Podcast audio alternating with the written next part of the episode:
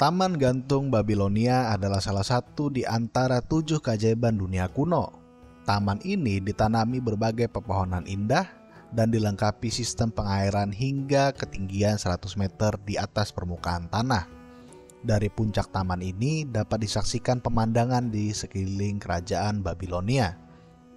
Dalam catatan Herodotus, taman ini dibangun oleh Nebukadnezar II sekitar tahun 600 sebelum Masehi sebagai hadiah untuk istrinya yang merindukan tempat tinggalnya di Persia.